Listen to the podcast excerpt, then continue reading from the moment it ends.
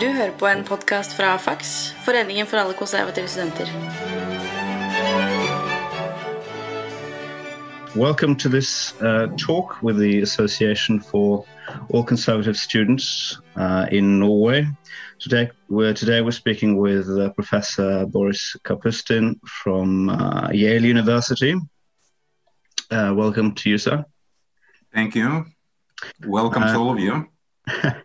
I think we, we could start with you telling a bit about yourself, uh, Professor. Um, well, about myself, uh, well, to begin with, I'm Russian. I graduated from Moscow State University. Actually, I graduated as an economist. I mean, I was majoring in international economics. But then, um, mm, after two years, I was drafted to the Soviet Army. I spent two years actually in Syria. Um, I arrived there during the War of Yom Kippur. Uh, and I served as a military translator. Actually, my first language um, was Arabic. I'm saying in the past tense because I haven't had practice in Arabic for quite a while and believe it has deteriorated actually awfully. Uh, but nevertheless, at that time, uh, I used to speak Arabic quite fluently. And then, having uh, been discharged and having returned to Russia, I decided to take a kind of post grad course in philosophy. And since that time, I have been um, what whatever associated and i do associate myself with philosophy with political philosophy in the first place uh, and uh, since uh, perhaps mid 90s i started coming uh, to united states of america from time to time uh, teaching actually at different universities such as ucla or upenn and philadelphia but finally i settled uh, settled down in connecticut in new haven and since 1998 i have been um, affiliated uh, with Yale University and more concretely uh, with a program, with an interdisciplinary program titled the Program in Ethics, Politics and Economics. Although from time to time I still return to Russia, actually, uh, from time to time I teach el- elsewhere, I don't know, in Turkey, in Hungary, but, but basically, yes, uh, yes, I'm settled here in Connecticut. That's splendid. Uh, what drew you to uh, to philosophy, to the study of philosophy? what attracted um, me um, i would say a kind of you know, cultural shock and uh, that cultural shock was i would say twofold in a sense which i experienced while i still was a student uh, and then uh, i'll explain what i mean by this cultural shock but then um, mm, i felt uh, growing adult i uh, started to feel that there are some problems which just I cannot comprehend. So my failure to comprehend certain problems actually pushed me in this direction. I mean, towards um, political philosophy. So the cultural shock which I experienced was um, twofold. As I mentioned, uh, I must have been, I don't know, a sophomore or maybe a junior still at that time.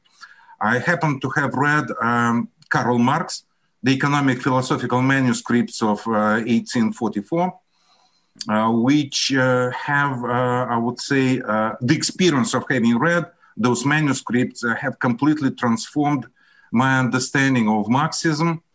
Mm, I mean, I felt somehow intellectually distanced from that, I would say, quite boring and uninspiring official Soviet Marxism as it was taught at that time uh, at our universities.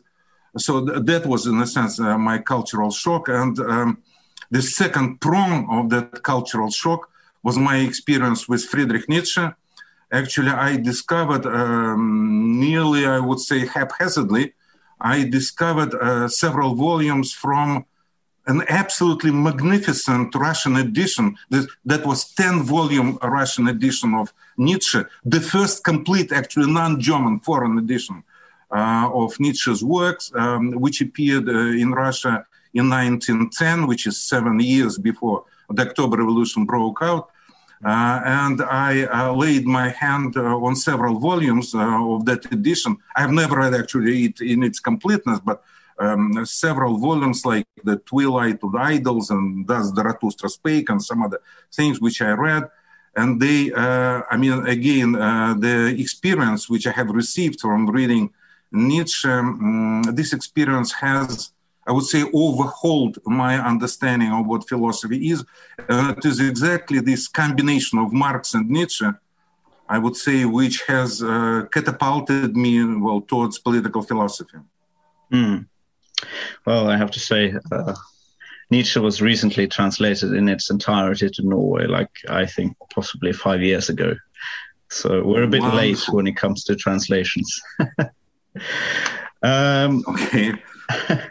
what's the what's the difference uh, between um, being a professor? You think in in America, like in the West, as opposed to as opposed to in Russia? Hakan, you know, um, mm, I would uh, slightly, with your permission, I would slightly perhaps rephrase your question. Mm. I say that the gulf is not between uh, Russian universities on the one hand and American universities as such, as a whole. Mm. A real gulf is between the best American universities, certainly including the Ivy League universities, plus plus Berkeley, plus Stanford, and some other universities of this level on the one hand, and some, uh, I would say, less successful, less efficient, less advanced universities, including, very unfortunately, and I have to acknowledge this with a, quite a measure of regret, Russian universities, which um, have, I would say, considerably deteriorated after the downfall of the Soviet power.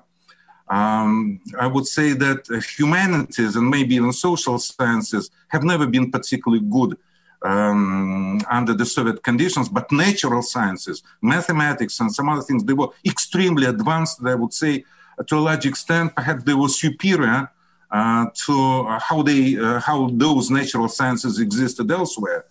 So, mm-hmm. what has deteriorated remarkably and uh, very regrettably after the fall uh, of the Soviet power was exactly the I would say the worsening of the general condition of uh, teaching and learning in uh, in the Russian Federation. I mean, I would say general decline of higher education, which is extremely regrettable.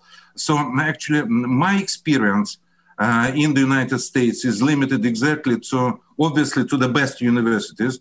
Um, in the first place, to the Ivy League universities. As I mentioned, I had some experience teaching also at UPenn and here at Yale. Um, it is not my intention to eulogize on those universities, and um, I have a keen sense that there are some, I would say, uh, well, unpleasant or unfavorable, whatever features and elements in how those universities operate. Uh, so I'm not, I would say, myopic. I mean, towards uh, what what may be considered to be the weaknesses of those universities, mm. but still, uh, I am prepared to glorify them as perhaps yes, um, uh, as you know, this may be an old-fashioned term, uh, which is still quite widespread in this country. Um, they are the exemplary cases of liberal arts colleges, mm. and this is what I um, hold in great respect. Although my uh, very uncomfortable feeling is that uh, this um, pattern of education uh, I mean, liberal arts college. It is. Um, um, I'm looking for a, for a more precise word. It is ebbing. It is declining. It is declining because of the onslaught of the capitalist commercialization, and the more uh, that commercialization advances, the less efficient uh, this form of higher education called liberal arts college can be. Mm.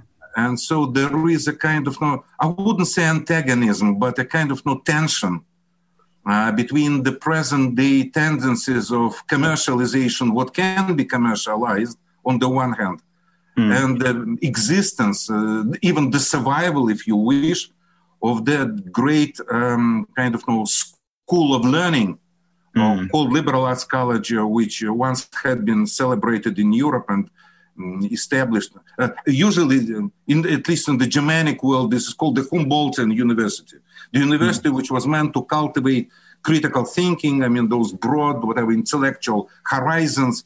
Mm. Um, if I can employ this Kantian term in a sense, even disinterested, this kind of disinterested approach uh, mm. to to the higher learning, uh, and all those things uh, which I cherish perhaps most of all, and which I believe to be um, kind of you know, pinnacle of that great humanitarian tradition, perhaps this tradition cannot survive very, very well or even cannot withstand uh, under, um, I would say, this um, commercialization's onslaught on it. Yes. A few thoughts, maybe, I suppose, uh, on um, on what one could do to revive the great universities in terms of the ideas behind them, of the culture, and possibly even just uh, about the funding. Do you, do you have any thoughts on that? Uh, very few, to be honest. Uh, I, I, I think I won't be able to come up with some um, practicable, feasible recipes. Mm. Um, I would like uh, perhaps um, understanding all the deficiencies of this position, of this stance, um, what I can say is that perhaps we have to adopt, I mean, all those of us who cherish this humanitarian tradition, we have to adopt a kind of stoic stance, uh, something like, you know, standing against the grain. Mm. Um, I mean, the torrent which we have to resist is really powerful and uh, it seems to be nearly invincible I do not believe that uh, we can really efficiently resist this tendency of this thoroughgoing commercialization of our life as a whole, not just of high, high education is not something unique in this respect. Um, as long as the so-called neoliberal revolutions, despite all the setbacks which it has already experienced, uh, like this uh, ignominious financial collapse of 2008, and what, so some setbacks that have already occurred, but nevertheless, I, I cannot foresee any reversal um, of this tendency, which certainly cannot be boiled down just to our economic life. Uh, so we, I mean, we, uh, we who populate uh, the academia, uh, we cannot be, uh, I would say, a really efficient political uh, opposition to this tendency. But being mm. honest people, I believe or at least claiming to be honest people. we must do whatever you can. Uh, you know, Hakan, uh, when I am approached by my students who ask me, and this is a kind of you know, quite um, popular question, at least in this country, I suppose maybe even in Norway, uh, how can I benefit from your course?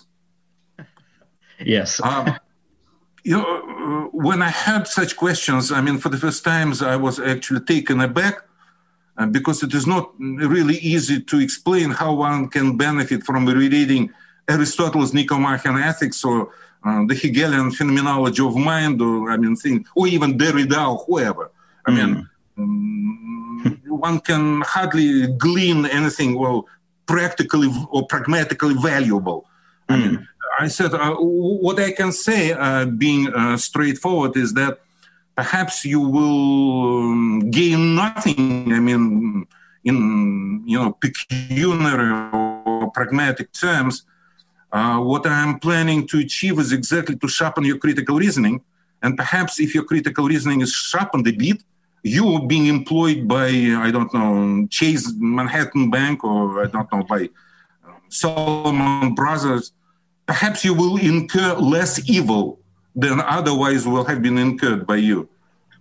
Exactly. Yes, uh, but this this neoliberalism that you say is um, has been it's been fairly dominant uh, in the last few decades.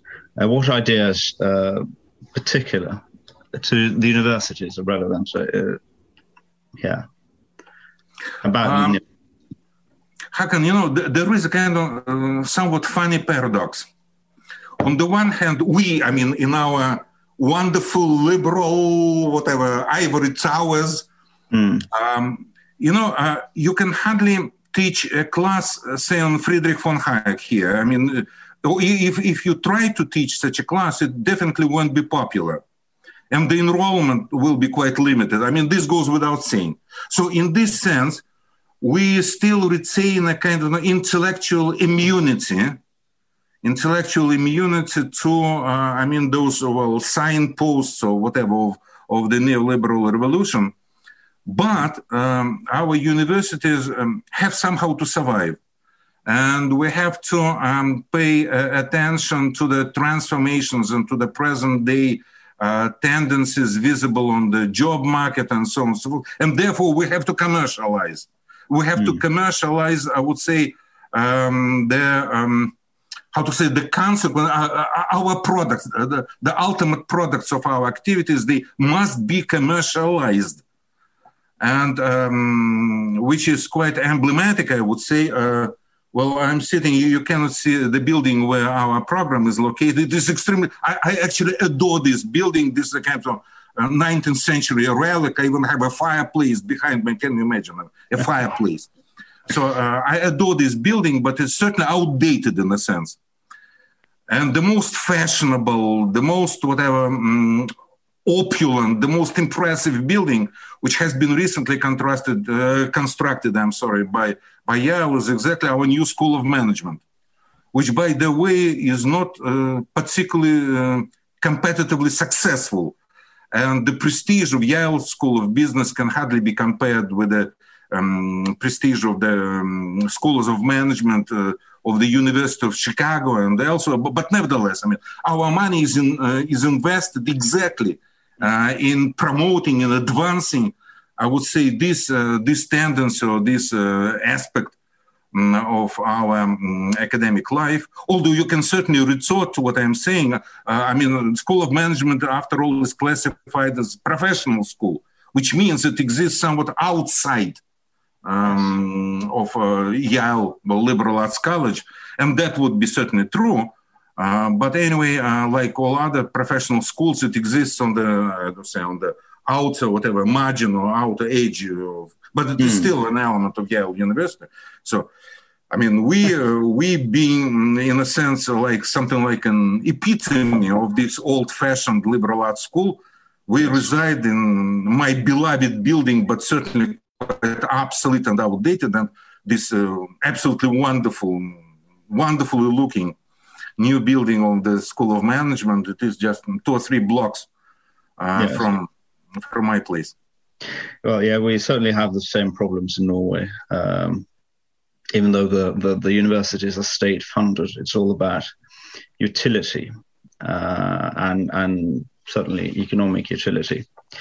What kind of uh, of benefit can the students gain in terms of money, and what can the state gain from it in terms of money.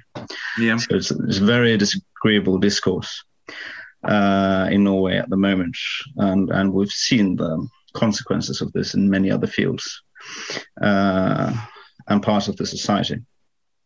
But um, I suppose we should uh, start with one of your books uh, about the philosophy of uh, of revolution. Mm-hmm.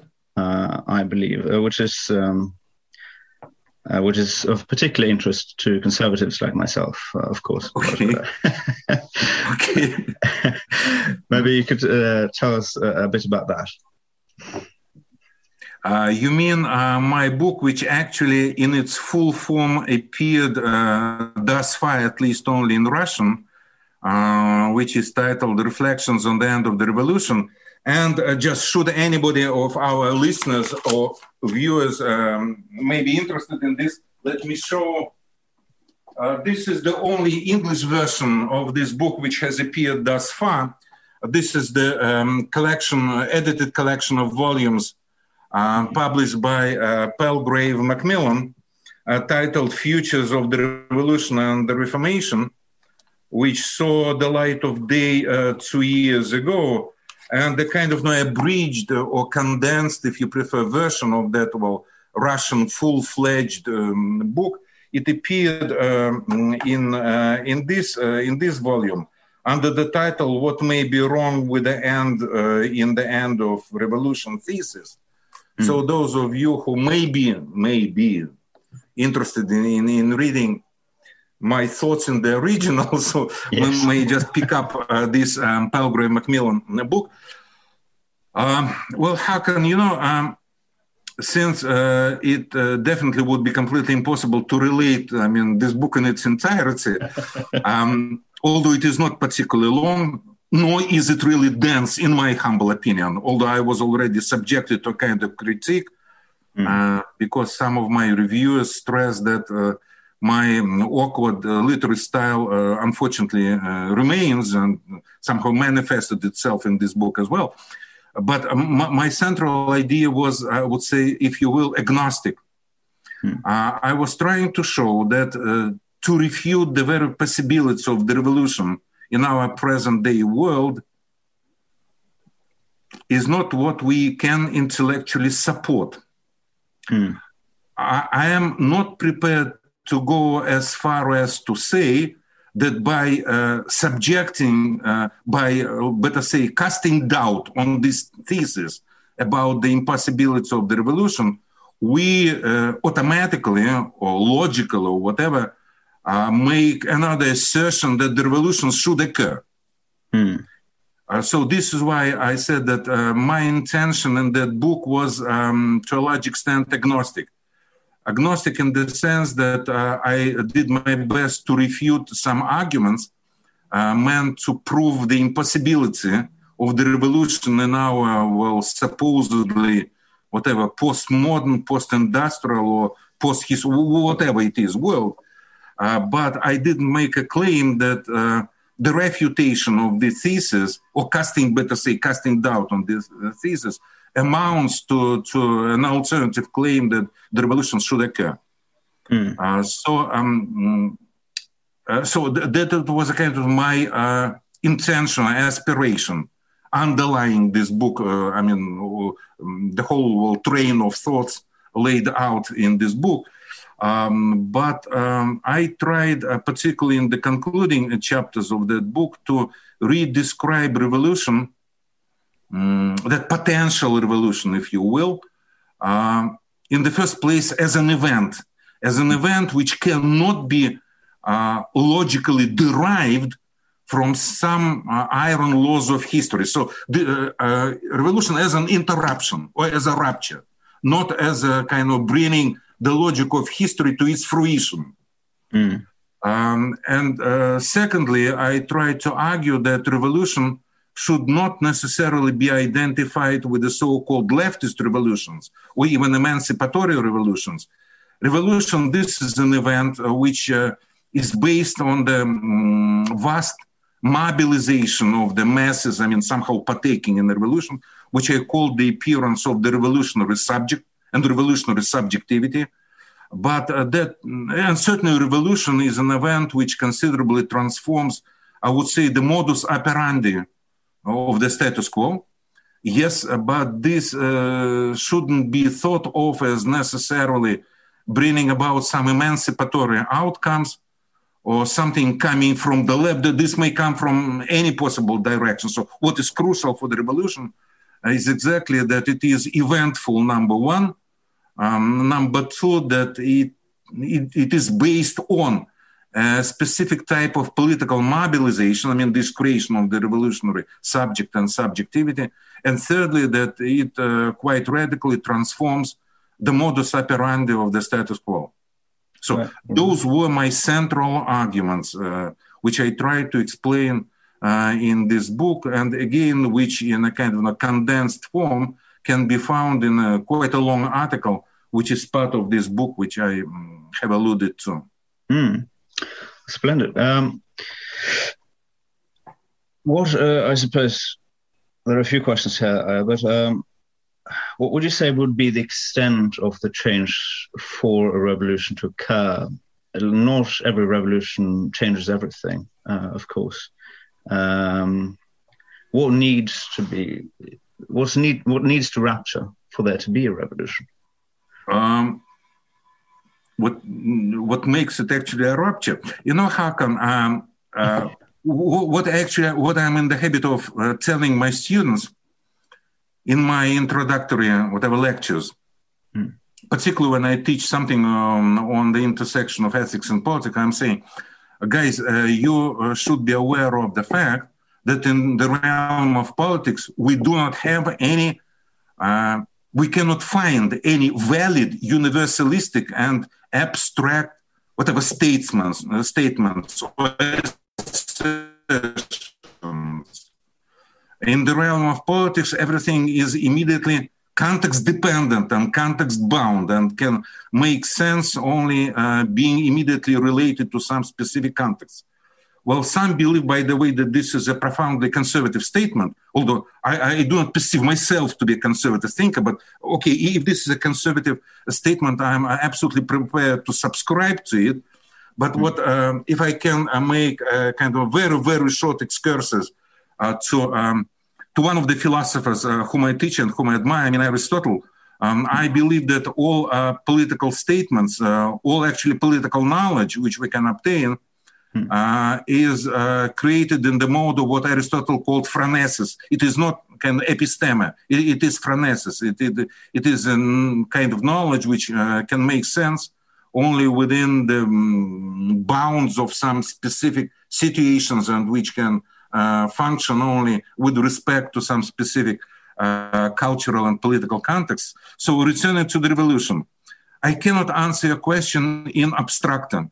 I. I, just cannot. What, what I'm saying is that uh, what what, what uh, constitutes a given status quo, mm. uh, some linchpins of um, some kernels of the status quo, they are destroyed by the revolution. Mm. But in order to understand what those linchpins are, or what those kernels are, we have to explore a, a given historical context. Yeah. Uh, and those linchpins, uh, which uh, are so crucial for one context certainly will will not be found in, in a different context. Yes. Um, just to give you an example, mm, which, uh, in my opinion, is very revealing, although uh, perhaps from a purely theoretical standpoint, it can uh, look quite naive. Um, mm, well, uh, let us look at great so-called Great French Revolution. I mean, the mm. issue of monarchy, the issue of whether um, the monarch is a bearer of the divine right of the king or not. Hmm. And that certainly caused much, very heated political debate, and then and that debate certainly spilled over into some actual actions, which finally culminated in the beheading of the king and uh, of the queen. And oh, well, we know the history. So you you can certainly ask me, hmm. were they really crazy? I mean, is monarchy really a big deal? Cannot we enter, if I can say so, modernity mm. without dismantling monarchy, without beheading the king? After all, Norway actually has managed to enter modernity without actually dismantling its monarchy. Mm. And the same can be said about Sweden. Actually, all, all of your neighbors, perhaps except for Finland. Yes. And this the, the, same can be said about Great Britain. Yes, they had well, their own beheading, but then they had the restoration and okay, the glorious revolution. But after all, the monarchy is there. So, mm. is this really a big deal? Is monarchy? Is it really a big deal? Mm. If uh, what is on our agenda, uh, let me use this somewhat nebulous formulation, it is how to enter modernity. Mm. Yes. Uh, my my statement would be, uh, which I believe to be a kind of confirmation of what has been said earlier, about that all our political judgments they are necessarily context bound and context dependent. Is that yes, in France at that time monarchy was a linchpin. Mm. And without a linchpin of that kind of you know, specific historical and political constellation, uh, which comprised uh, the kind of modus, whatever, modus vivendi of, of the France of that time. And um, it was absolutely necessary for the revolution to destroy this linchpin. Otherwise, the revolution couldn't have uh, occurred at all. Um, but in some other context, perhaps the destruction of monarchy wouldn't have been really a big deal. And even, uh, I would say, um, this destruction could be avoided. Um, mm. So, um, what perhaps we should take into account that number one, I believe it is actually historical sociology rather than the abstract political philosophy, uh, which can serve uh, as a better guide if we are to understand how revolutions occurred, what they have or have not achieved, and so on and so forth. Mm. Historical sociology, which can uh, examine exactly a specific historical constellation examine what uh, comprises its linchpin and its kernels, and then we will be able to understand what exactly revolution had to destroy in, on, in order to assert itself as a kind of great historical event. Yes. And secondly, uh, we should be very modest, very modest uh, in another sense. Hmm. Uh, you know, perhaps I, am about to make another conservative statement, and thus I will sound as your perhaps ideological ally. Um, uh, you know, uh, I mentioned Karl Marx and Nietzsche, who actually who have so profoundly impacted uh, my um, intellectual whatever mindset. But uh, there was another writer or another current of philosophical thought which has actually exerted uh, a comparably powerful influence. That was the Scottish Enlightenment, definitely. The Scottish Enlightenment, I mean, David Hume, Adam Ferguson, Adam Smith, and the rest of them. Uh, but particularly, certainly, David Hume. I, I really admire this guy, mm. unreservedly, I would say, admire him. And what I admire about David Hume in the first place mm is exactly his emphasis on um, the importance of unintended, unanticipated, unplanned consequences of our human actions, which as such are always purposeful. I mean, we as human beings are, necessarily purposeful creatures and we pursue some whatever goals and so on and so forth. Uh, this goes without saying. And he explains in this sense the role of reason, um, certainly not as a moral legislator. I mean, as a moral legislator, our reason is completely impotent, but okay, otherwise it is still important. Mm. Uh, but uh, what is uh, particularly important is that our purposeful actions they um, produce some unplanned, unanticipated outcomes, and it is exactly those outcomes which coalesce, which coalesce in or sediment, or call it whatever you like, and uh, it is exactly the sedimentation uh, which creates those grand uh, trajectories of the historical evolution and so on and so forth. So mm. now let me project this immediately onto uh, this issue of the revolution. Mm. And I would say that um, perhaps we should be less attentive to what the revolutionaries were planning to achieve. And in most cases, they completely failed to achieve what they were looking for. Mm. And this is what actually characterizes nearly all revolutions this completely failure to achieve what they were fighting for. Mm. And actually, the winners in the revolution, they are the most immediate losers in economic, political, maybe even social terms. If we look uh, at their situation or at the situation of their heirs uh, in uh, in the period of the, I mean, following the revolution, the aftermath of the revolution. Yeah. So w- what is important is exactly how revolutions produce certain effects which prove to be hugely important for forming the historical trajectories of, I don't know, of France, of the United States, of Russia, of China, I mean, of all the countries where great revolutions have occurred. Mm. By the way, even Germany, I mean, some failed revolutions, like their revolution of 1918. I mean, those failed revolutions, they also produce some hugely important results. And I'm fully prepared to subscribe uh, to a thesis um, very well known uh, amongst uh, well the German historians that perhaps even the rise of uh, the extreme right um, and uh, ultimate well, triumph of Nazism uh, can be thought of as one of the consequences of the failed revolution, the failed revolution producing some hugely important consequences.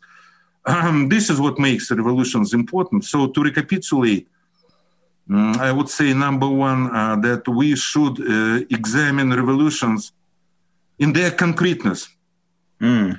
not trying to figure out how some so-called general laws, uh, some apparent or whatever, seeming general laws of the revolution manifest themselves in the specific revolutionary uh, events. Mm we should be mindful and we should be uh, careful to examine some specific historical context.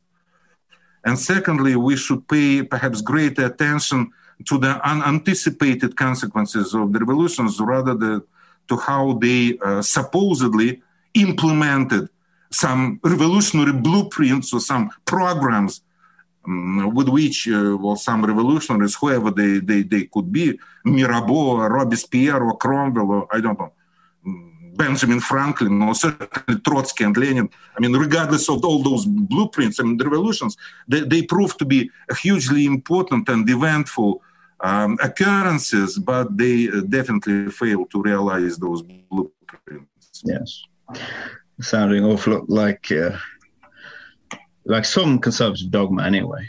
But yes. uh, but uh, but I think it's it's the truth that matters um, in these things. Um, when it comes to the conservative response to revolutions, there have been many, obviously. Um, in America, the revolutions, uh, the revolution is very much celebrated, mm-hmm. Uh, of course, but we also have uh, conservative movements, I suppose, in one form or another in every country in the world. Um, what do you think conservatism sort of brings to the to the discussion about revolution? Um, uh, yeah, I believe that conservatism has uh, brought about and has produced some extremely important insight. And I dare say that um, in certain ways, uh, perhaps conservatism was even more useful, proved to be more useful and insightful as far as this unveiling of the nature of the revolution is concerned than uh, some revolutionary theories per se. Uh, but let me begin with you mentioned the celebrations of the American revolutions, and they are very pompous and whatever. Uh, I thoroughly dislike all those celebrations. No, not just in America. I dislike those celebrations when they had taken place in my native country and elsewhere. Uh, no, not to mention the absolutely hideous celebration of the bicentennial of the America of the French Revolution. I Actually, I happened to be in Paris at that time. I mean, it was so distasteful. I mean, absolutely beyond any imagination. Pompous, distasteful, and uh, I was even, I would say honestly, mm, I was quite surprised how French, known for their exquisite taste, could demonstrate this complete absence of minimal taste in celebrating the bicentennial of the revolution. But okay, let me forgo all my uh, personal ruminations on, on those celebrations. What I'm saying is that, you know, how can the idea of the celebration is to emasculate our potential memories of the revolution in question. So those celebrations, they are the gestures of uh, concealment. Uh, they're the gestures of concealment which are meant to, um, how to say, to, um, to hide the true radical, whatever, characters uh, or elements or constituents of a given revolution. This is what I call this emasculation of our historical memory of the revolution. Um,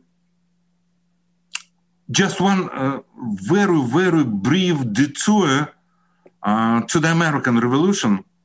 Uh, what I, uh, not to make it certainly as a, as a case study for our conversation, uh, what actually I, I, find admirable as far as the American Revolution is concerned is a statement made by, I believe mm, him to be the most illustrious American historical sociologist of the 20th century. I mean, Barrington Moore Jr., and his social origins of dictatorship and democracy, he said that the idea of the American Revolution, I mean, if what is meant by the American Revolution is that war um, for independence, which had taken place in the late 18th century, so uh, the idea of the American Revolution is a very good piece of propaganda, but an extremely poor case of historical sociology. It was not a revolution.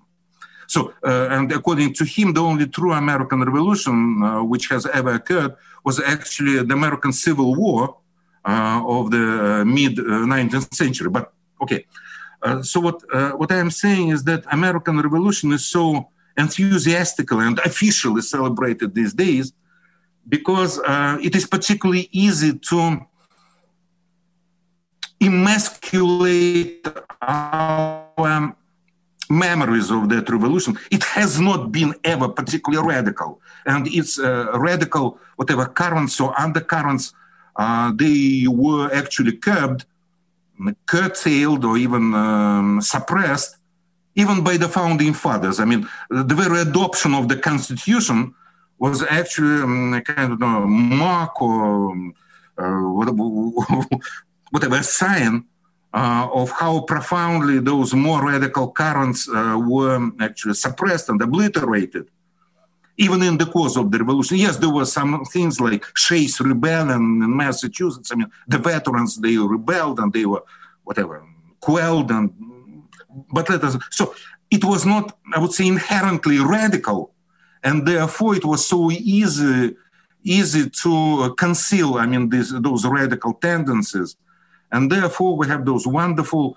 absolutely supposedly politically innocuous uh, celebrations of the American Revolution. So, as far as the French Revolution is concerned, it was much more difficult to suppress, to obliterate, I mean, those radical elements just recall um, Hannah Arendt's comparison of the American and the French Revolution, with, with, which I completely disagree, but which is still quite revealing in many ways. I mean, this uh, um, appearance of the so-called social question and how it has profoundly determined the course of the French Revolution in contrast to the American and so on and so forth. So, you know, what I discovered and which I um, found particularly disgusting in how the French bicentennial was celebrated in 1989 was that, you know, some key figures of the revolution were not mentioned at all.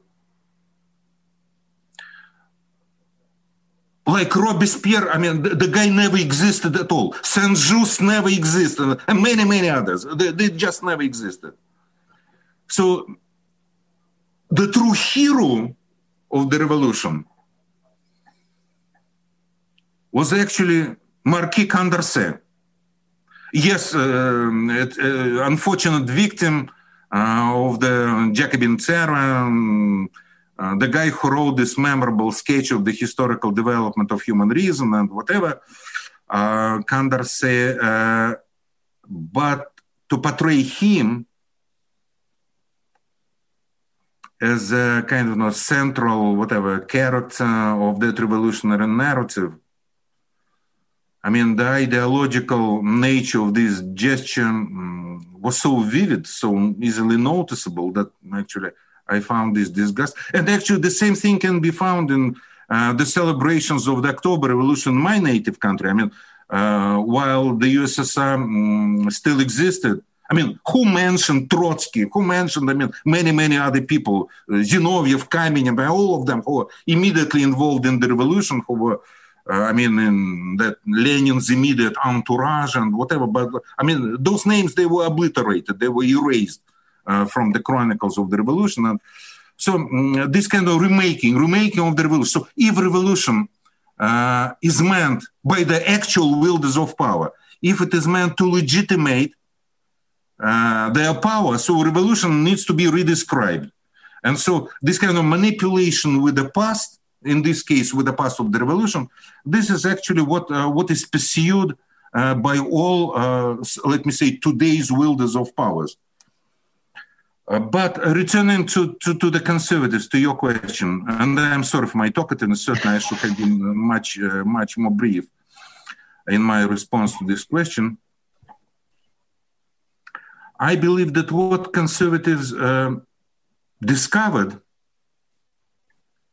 mm. is that number one, um, the dependence of the revolution on the actual circumstances, not on the abstract ideas.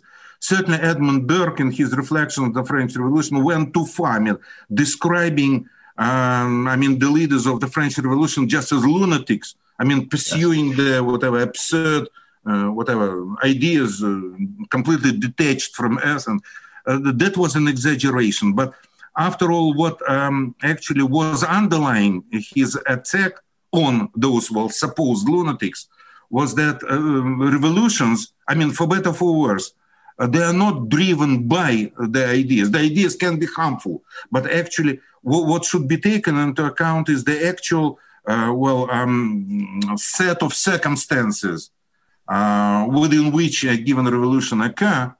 Uh, so this discovery of the uh, context dependence of the revolution, that was, uh, in my opinion, quite a remarkable and great contribution made by um, well conservative thinkers. I mean, their their what I say contribution to this proverbial intellectual treasury. Um, mm. If I mean by this treasury, I mean this theory of the revolution. And secondly, they discovered this may be a quite you know um, mm, problematic contribution. But they discovered exactly what I mentioned that the revolutions could occur not only from the left, they could occur from the right as well.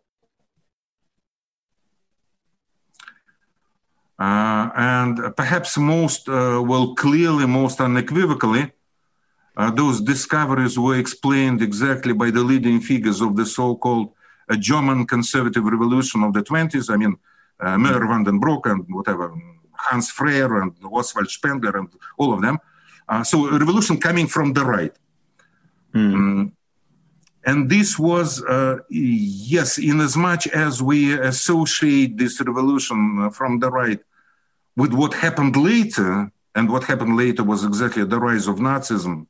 Mm. Uh, we perhaps uh, feel the necessity to be extremely cautious about that great discovery.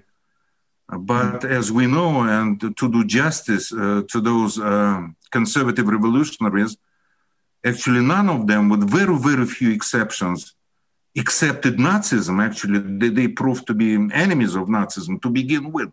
They had mm. their own reason to, to resist and even to despise Nazism. Yes, could you uh, tell a bit about if there is any uh, the difference between um, between say the right and the left, between revolutions of the right and the left, and if there is a real difference between the two. Okay. Uh, so, to further complicate your question, let me say that um, the major theories say of the uh, aforesaid uh, German conservative uh, revolution of the late 20s, they were glorifying the worker.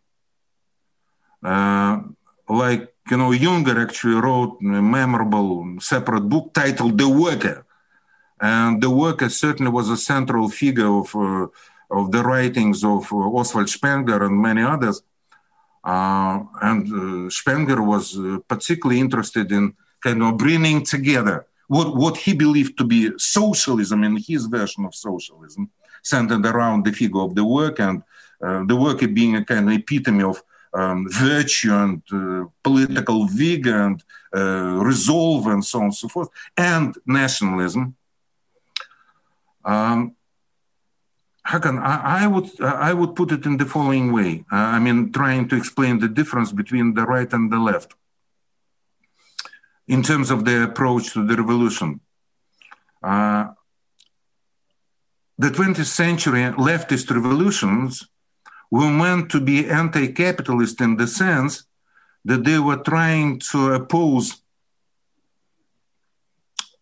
I would say, the leftist emancipatory vision of the universal to the capitalistic vision of the universal. So that was the clash between two visions of the universal. Um, well, the universal of the capital. Uh, let me not uh, start, you know, toying with the technical Marxian jargon like the form of value, uh, the accumulation of capital, and whatever. So for the sake of brevity, let me say uh, the universal uh, the universal character of capitalism consists exactly in this kind of swaying power of the what Marx called the form of value or the law of the well, accumulation of capital and something like this. And so mm, uh, the leftists were willing to oppose to this capitalistic universal, which they believe to be whatever oppressive and unjust, their own version of the universal. Um, let me call it, borrowing this term perhaps from Theodor Adorno, Horkheimer, and the version of the sane society. Sane society in the sense of society made perfectly trans, uh, self-transparent society based on the voluntary cooperation of the uh, disalienated human beings. And so, I mean, alienation, disalienation. So two universals, universal of this universal uh, solidarity of the emancipated human beings against this capitalistic universality of the uh, circulation of the value form. That was the idea, which proved to be, I believe, which proved to be impracticable. Uh, and perhaps even the, uh, the revolutions recognized as victorious like the October revolutions, they were the most uh, perhaps convincing proof that this idea was not feasible. Uh, the practice of the so-called military communism and later this kind of switch uh, to the so-called new economic policy and then to the, uh, Stalin's five-year plans, that was kind of retreat. That was an obvious retreat uh, from the idea of supplanting this capitalistic universal with this emancipatory leftist universal of the same transparent society based on the voluntary cooperation. So what actually the rightists were willing to do, I mean, those, again, those German um, conservative revolutionaries of the late um, 20s, early uh, 30s, they were opposing to the capitalist universe. They were also anti-capitalist. And uh, what actually the guys like Freyer and uh, Spengler and whoever, Junger, what, what they actually condemned in the first place was certainly, uh, I would say, what they called uh, the reign of the finance. So finance, uh, I mean, the world of finance, th- that was something most despicable, uh, most hateful, and whatever. So uh, they were, in this sense, they were also anti-capitalistic. But what they were willing to oppose uh, to that universality of capitalism, epitomized exactly by the world of finance, was something particular the particularity, the particularity of national organism, the particularity of, uh, um, if I am not confused, in volume two of the Decline of Europe, uh, Oswald Spengler explained this as the um, triumph of the third over money. The third meaning. Um, this can be read as a kind of glorification of this pure militaristic organization of society. I'm sure that he was not that much pro, whatever, pro militaristic. He was writing about um, kind of political, very solid organization of a specific nation which uh, can oppose itself uh, to the cosmopolitan reign of finance. So, what actually, in my opinion, distinguished, uh, at least ideologically distinguished, uh, left wing, whatever revolutionarism from this right wing conservative, whatever kind of revolution, is that the former opposed one kind of universal, uh, believed to be kind of liberating or emancipatory universal, to the supposedly oppressive capitalistic universal, whereas um, the right wing uh, uh, conservative revolutionaries they opposed uh, a politically organized particular, most immediately a properly organized German nation, um, opposing this particular to the world of finance as the very epitome of capitalistic uh, universalism. And uh, certainly many very practical political recipes and ideas and suggestions, they follow from uh, this opposition, this difference, which in my rendition certainly uh, looked quite, I would say, abstract and um, purely philosophical. But in fact, I mean, those philosophical differences can be very easily uh, can very easily be translated into specific political strategies, um, political uh, specific principles of decision making, and so on and so forth. Splendid. Now, um, about Russia and the great revolutions, or, well, I don't know how many revolutions there have been recently in Russia, but certainly there was one in 1917. Um, what, and I'd like to be a bit more specific, I suppose, to Russia, because you are Russian. Um, what was the linchpin of of Russian society that disappeared with with the Russian Revolution? You think, uh, and and I suppose what was put in its place. That's not a large question. this is really a huge question. Um, you know, if we can uh, go back to the so-called February Revolution of 1917, which preceded the so-called Great October Revolution, uh, this uh, February Revolution eliminated or took away uh, the linchpin of the empire. I believe that was the true linchpin, which has dramatically eroded because of World War One, because of Russia's uh, tremendously unsuccessful participation in that war. Uh, because if we can uh, go a decade, um,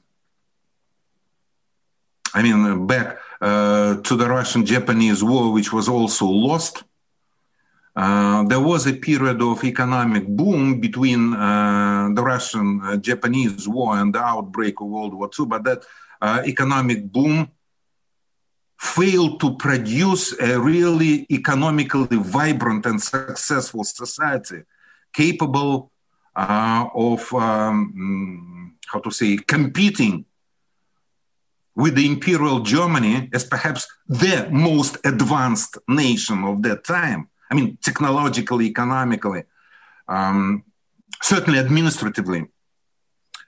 And even, by the way, uh, which is uh, so rarely mentioned, at least by those who teach historical sociological classes on this campus, uh, what they, I mean, because certainly we Anglo Saxons, we were, I mean, the opponents of those Germans who were, who had to be accused certainly, I mean, the blame is put on their shoulders of World War II or World War One. Uh, so um, it is very rarely mentioned that Bismarck established the first, historically speaking, the first really functional welfare state. So the idea of welfareism also belonged to Germany. And at that time, in this respect, Germany was incomparably more advanced than any Anglo Saxon nation of the world at that time. So Russia had to compete with this really formidable, even awesome enemy. And Russia failed to compete. Uh, and this led certainly to the erosion of that uh, imperial linchpin of Russia,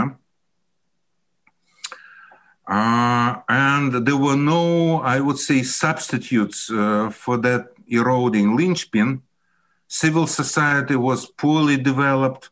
There were too many tensions between, actually, there were different cleavages. And um, I mean, those cleavages, they, um, how to say, they uh, finally, they tore the society apart. I mean, this uh, what Lenin called the nationality problem. It was so visible. I mean, the unmodernized peasantry and uh, and so on and so forth. I mean, this uh, enormous, enormous uh, rift, which actually, historically speaking, has been um, produced by the reforms of Peter the Great. I mean, the rift between the metropolitan areas, which after all were not really different from the most advanced European metropolitan areas like St. Petersburg, Moscow, Kiev to some extent, and and then I mean the countryside, which was archaic.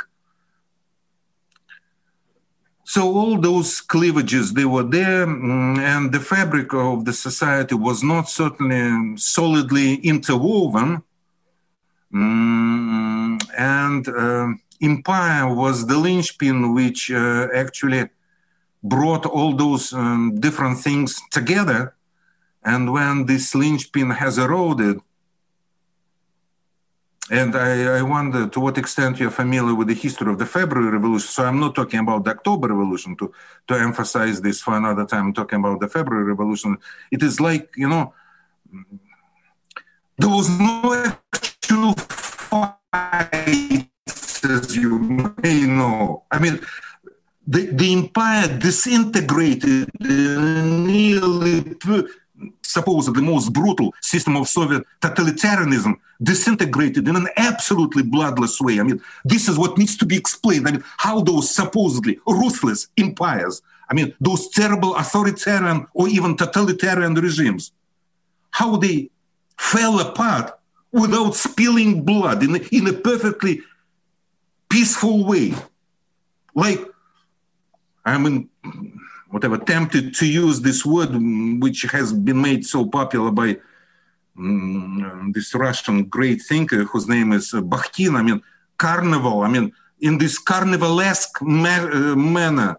I mean, the greatest empires, the greatest, the most rigid, whatever, brutal authoritarian regimes, they just dissipate like, you know, a pack of cards. They just fall apart. Uh, and then, uh, so that was the beginning. That was the beginning. That bloodless October Revolution, which extracted this linchpin from the machinery of the Russian state, and everything started to fall apart. And the only problem was exactly who uh, could be able, who could be able to reassemble the elements of the state falling apart. And there were certainly different projects of uh, achieving this. Uh, this reassembling, there was a purely liberal project, uh, there was a more or less conservative project, there was a kind of socialist revolutionary, pro- also revolutionary, but non Bolshevik, I mean, pro- so different projects. And I believe that by the fall of nine, uh, by the autumn uh, of 1917, uh, those projects um, proved to be completely unsuccessful. And the tiny Bolshevik party, nearly unnoticeable, even in the spring of 19, another miracle. I mean, um, revolutions, great revolutions, the, the, the narratives about miracles, literally. One can be even religious or eschatological. I mean, describing those miracles. I mean, this party, which had been nearly non entity politically speaking, orchestrated this coup d'etat of October and actually grabbed the power in the greatest former empire. Okay, let me not focus on this on this uh, unspeakable tragedy. And yet, just to conclude, let me make my final remark uh, concerning the October Revolution. You know, Hakan, uh, again, I wonder to what extent you follow these political, ideological debates going on in Russia these days. It has become quite popular to humiliate the Bolshevik, to ridicule the revolution, I mean, the October Revolution, to call it coup d'etat instead of the revolution, and so on and so forth. Um, you know, as far as I'm concerned, uh, perhaps uh, I won't have time to provide, uh, I would say, enough arguments to clarify my, my stance, but my stance is that although what occurred in October was really a tragedy. It was a tragedy. But, you know, tragedies should be even analytically kept separate from something farcical, farcical from, from operettas. It was not an operetta. That, that was a real uh, kind of tragedy of the ancient, really ancient magnitude and scope. Uh, Bolsheviks couldn't have had grabbed power had not they, um, how to say, articulated some grievances, some concerns which were really, which were really there, which were very tangible, at least uh, for a short while. They succeeded in what Lenin called leading of the masses. The masses were led, but they were led not because they were oppressed. At that time, Bolsheviks certainly didn't have any apparatus to oppress anybody. They, they created a kind of what Antonio Gramsci called hegemony. So they did create this hegemony, but this hegemonic project could work at least mm, for a while, only if there was a kind of no emotional, um, psychological resonance uh, between the feelings shared by the masses on the one hand and the ideas put forward by the Bolsheviks on the other. So, I mean, this resonance, this kind of echo, uh, it finally culminated in, in, in, an unspeakably awful tragedy. But uh, we um, should never make fun of this. I mean, you, you, you cannot laugh at, at real tragedy. You cannot laugh at Sophocles. You cannot laugh at Aeschylus. And, I mean, yes. and likewise, you cannot laugh at, at, great tragedies of great nations. Yes. No, I, uh, yes, that is certainly true. Um, but uh, I'm also curious about the resonance, if you like, of that old Russia, of, of the empire, of orthodoxy uh, in in Russia today. Um, there seems to be an attempt at a revival, obviously, um, by, by the government and, and the church. Uh, would you describe that as a revolution as well? To, to remove the linchpin of the old communist regime and then reinstall uh, reinstall what is perceived as as some sort of possibly an original view of Russia. Hakan, my sense is this may be my completely idiosyncratic judgment, but nevertheless, I don't have any other, any better judgment than my idiosyncratic judgment. Uh, my idiosyncratic judgment is that um, the so-called uh, whatever Orthodox revival, this imperial revival, or whatever it is called, in the present day Russia. It is not a revolution, it is a real farce. Uh, there is something really, I would say, farcical about, uh, about all those things. Uh, to begin with, um, well, certainly there are some religious people. I can, I can imagine that among 150 million people, uh, but um, the church is used these days, at least by the wielders of power, as a kind of no ideological veneer what they are willing to achieve and as an instrument of ideological manipulation. Uh, let me be straightforward, expressing, still expressing my completely idiosyncratic judgment.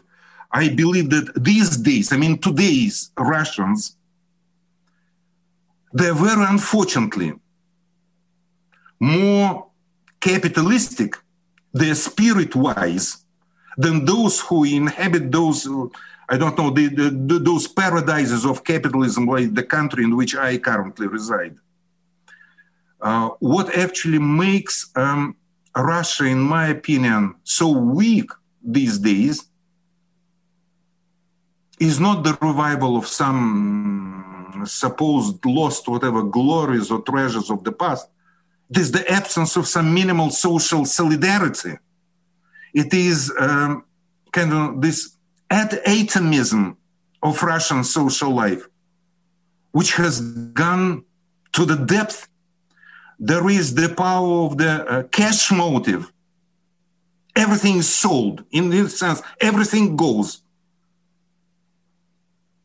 In as much as something can bring some cash profit, everything goes.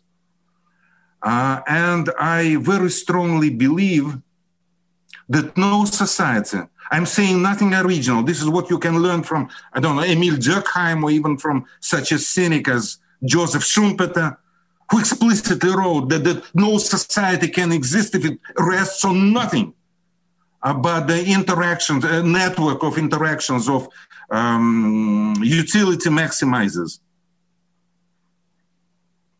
So the problem, uh, the problem is, uh, I would say, political and ethical simultaneously. The problem is how to revive uh, at least some measure some measure of uh, solidarity, so if I can use this uh, word popularized by um, American political philosophy, communitarianism. I mean, this is what we need. And again, what I am saying, uh, I, am not pretending to, to, to, to pronouncing some, you know, final ultimate truth concerning the present day condition of Russia. I, am just saying that uh, I do firmly believe in the opening statement made by Max Weber in the Protestant Ethic and the Spirit of Capitalism, in which he wrote that, I mean, capitalism is not about greed. Capitalism is exactly about how to channel that greed in a socially acceptable way, which means that the greed needs to be restrained. And the problem of capitalism is exactly what are the methods whereby this greed can be restrained. And um, then he started to describe this ethics and Protestant ethics, which historically contributed exactly to, to restraining, to channeling this greed into kind of you socially, whatever, efficient way. And this is what is not perceived uh, in Russia. This is why uh, I believe that to quite a large extent, uh, you know, patriotism has become a kind of a catchword in present day Russia I believe that to a large extent this is something fake. Uh, so uh, the failure of the authorities, at least to begin this recreation of certain forms of uh, social solidarity, is concealed, in my opinion, by an extremely awkward propaganda of patriotism, of some whatever religious values and whatever. Yes, and many people are perfectly prepared to simulate that they're religious, that they're patriotic, and so on and so forth. And this simulation, this kind of continuing game, ideological and whatever, but basically the meaning of the game just please leave us alone. I mean, yes, we can certainly uh, pay our lip service to what you're expecting us to pronounce or to articulate, but otherwise, leave us alone in our whatever in the cells of our social life which we occupy so uh, in contrast to how putinism is usually portrayed by the major western media outlets. I would say that what um, leads, what actually constitutes the major problem of Russia is not this ghost of the empire or Russian orthodoxy or whatever, supposedly um, whatever um, re, re, recuperated or revived in, in today's Russia. This is the excessive capitalism. I would say unbridled, unrestrained capitalism which exactly because it is unrestrained cannot produce truly efficient economic structures and which exist basically on the level of social psychology.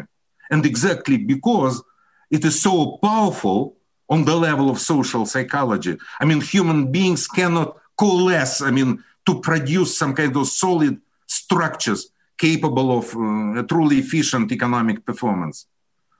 So, in this sense, my diagnosis of the ills of today's Russia, my di- diagnosis of those ills is, I would say, diametrically opposite to what you usually hear from, let me not mention from, yes. actually from everywhere.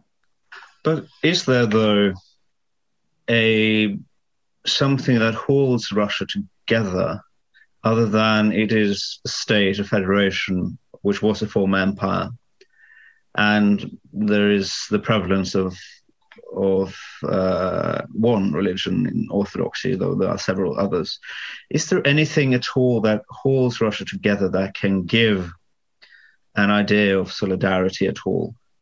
Uh, I mean, what even holds the state together without solidarity between the people in it? Final question, I suppose. Hakan, you know, um, um, it is too easy and too difficult to actually to answer your question. Um, it is too easy because some things they are nearly self-evident. After all, the state does exist, however inefficient it may be. it is still a powerful structure, and as uh, any institution, it can, to a certain extent, fulfill its function of keeping people together. I mean, in this sense, uh, this is nearly a kind of self-evident answer. Uh, on the other hand, this is also something self-evident. Again, going back to my beloved David Hume and all those Scottish uh, philosophers uh, of the 18th century, traditions, all traditions, they have a tendency to perpetuate themselves. This is not to say that they are static, they are never static. That was actually one of the greatest discoveries made by the aforementioned Scots uh, who glorified traditions, but in contrast to, I would say, to the pre-modern traditionalism, they never discussed uh, traditions as something perfectly static. They they presented them as capable of uh, self, whatever transformation, self renewal, and so on. So such traditions may be in a considerably attenuated form, but they do exist in Russia. After all, all my friends, and from time to time I go back to Russia, although unfortunately I haven't been there for four years already because of that wretched pandemic and whatever. But anyway, every time when I come back to Russia, I mean, uh, it is not a problem. Even you, you, can imagine that my friends, all my friends, they're kind of Moscow intellectuals. And in this sense, they're perhaps even more susceptible to this, whatever, cosmopolitan, whatever, corrupting influence. But, but, but, but they certainly realize themselves as Russians. I mean, this, this is not a big deal as Russian citizens, as and as ethnically speaking Russians, and and this certainly um, is a kind of no source of kind of no specific motivation, even a source of specific commitment. So those things they do work, and uh, to completely destroy them, uh, I even cannot imagine how they can be completely destroyed. Uh, so uh, this is, I would say uh, an easy way to address your questions. Well, institutions do exist, some traditions, they do perpetuate themselves. So this can explain what keeps, uh, I mean, the whole, whatever, mess um, together, in a sense.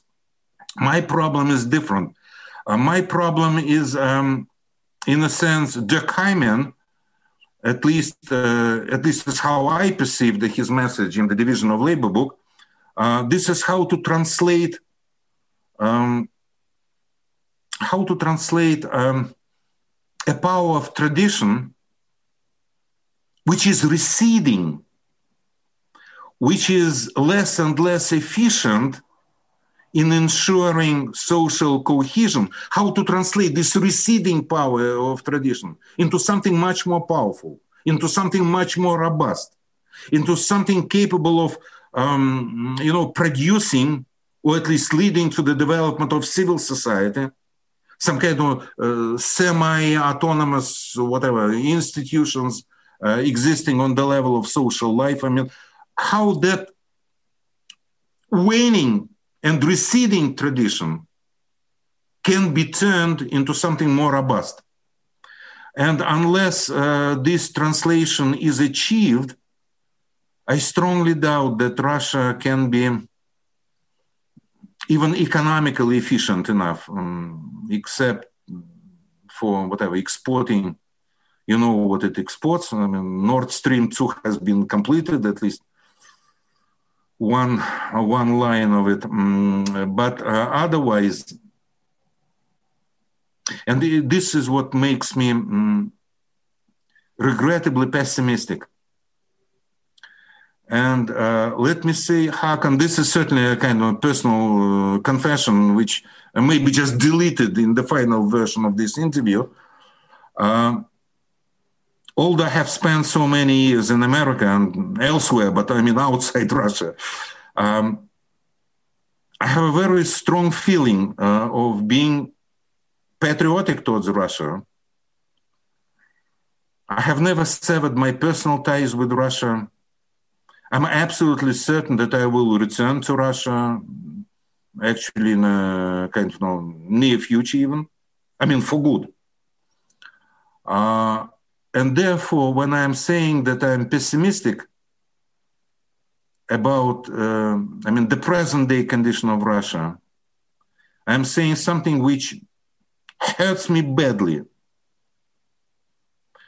Perhaps I cannot be a perfectly impartial observer, with respect to Russia, if this bogey figure is um, practicable at all, I mean, being impartial and being a neutral observer. But uh, anyway, whether this is a practicable figure or not, I'm certainly not an impartial observer.